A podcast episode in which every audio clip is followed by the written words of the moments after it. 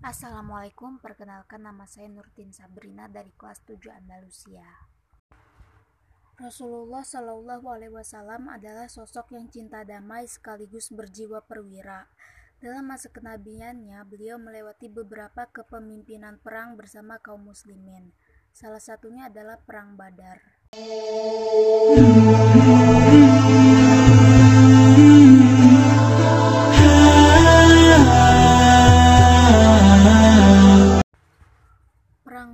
Adalah perang yang terjadi pada 17 Ramadan tahun 2 Hijriah di Lembah Badar. Lembah Badar terletak di antara Mekah dan Madinah, sekitar 145 km ke arah barat daya dari Madinah. Di sana terletak sumur yang terkenal.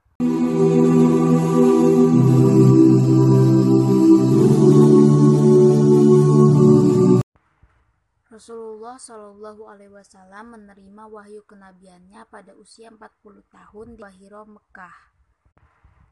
Sejak saat itulah beliau memulai dakwah Islam secara tersembunyi maupun terang-terangan.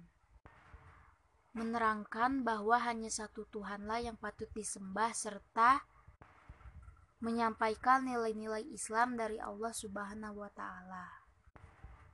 Hal ini mendapat pertentangan dari kafir Quraisy serta gangguan yang hebat. Sehingga kaum muslimin hijrah ke Madinah dan membangun babak baru Islam bersama kaum muhajirin dan ansor di sana.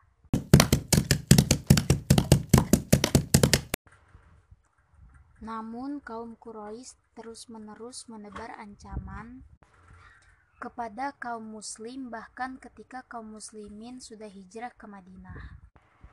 Inilah salah satu penyebab terjadinya perang Badar. واعلموا أنما غنمتم من شيء فأن لله خمسه وللرسول فأن لله خمسه وللرسول ولذي القربى واليتامى والمساكين وابن السبيل إن كنتم آمنتم بالله إن كنتم آمنتم بالله وما عبدنا يوم الفرقان يوم التقى الجمعان والله على كل شيء قدير Arti surat Al-Anfal ayat 41 Pada awalnya Rasulullah Shallallahu Alaihi Wasallam hanya berniat untuk melakukan penyergapan terhadap kafilah dagang Quraisy, bukan peperangan. Namun kemudian hal itu tidak terjadi dan Allah Subhanahu wa taala menakdirkan terjadinya perang Badar yang dipimpin langsung oleh Rasulullah Shallallahu alaihi wasallam.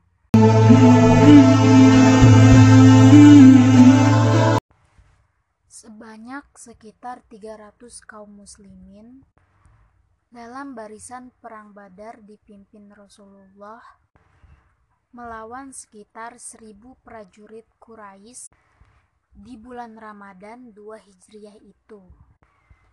Jumlah prajurit, unta, kuda, dan perlengkapan kaum muslimin kalah banyak dibandingkan lawan mereka saat itu. Namun dengan bantuan Allah serta strategi perang yang baik, kaum muslimin memenangkan perang tersebut.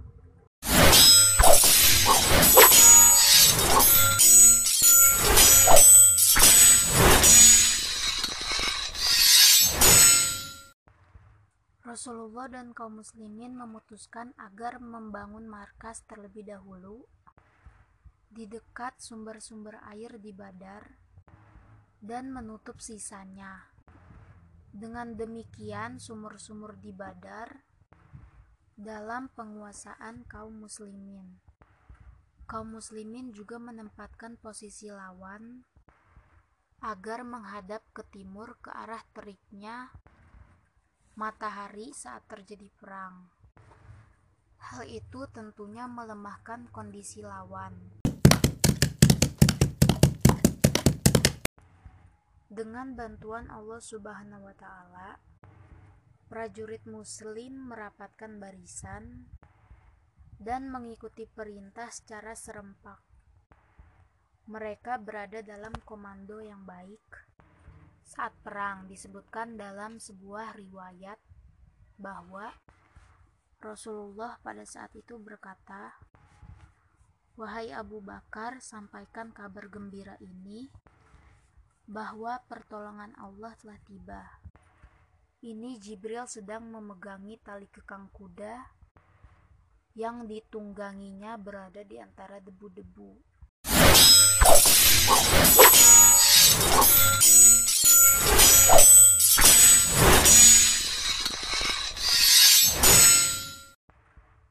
Kaum muslimin terkoordinir dengan baik Sementara kafir Quraisy menyerang tanpa aturan sehingga menyebabkan kekalahan dan banyak kerugian. Pertempuran berakhir dan kemenangan berpihak pada kaum muslim. Sebanyak 70 pembesar kafir Quraisy tewas dan 70 orang ditawan. Sementara pihak muslim gugur sebanyak enam orang muhajirin dan delapan orang ansor. Tawanan perang diperlakukan dengan baik, kemudian dibebaskan dengan cara membayar tebusan atau mengajar sepuluh orang muslim kecakapan baca tulis. Masya Allah.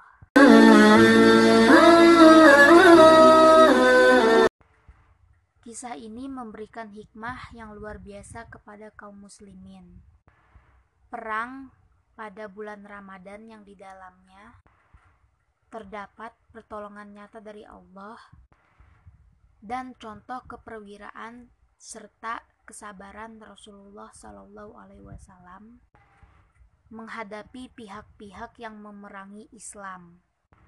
Wallahu alam bisawab.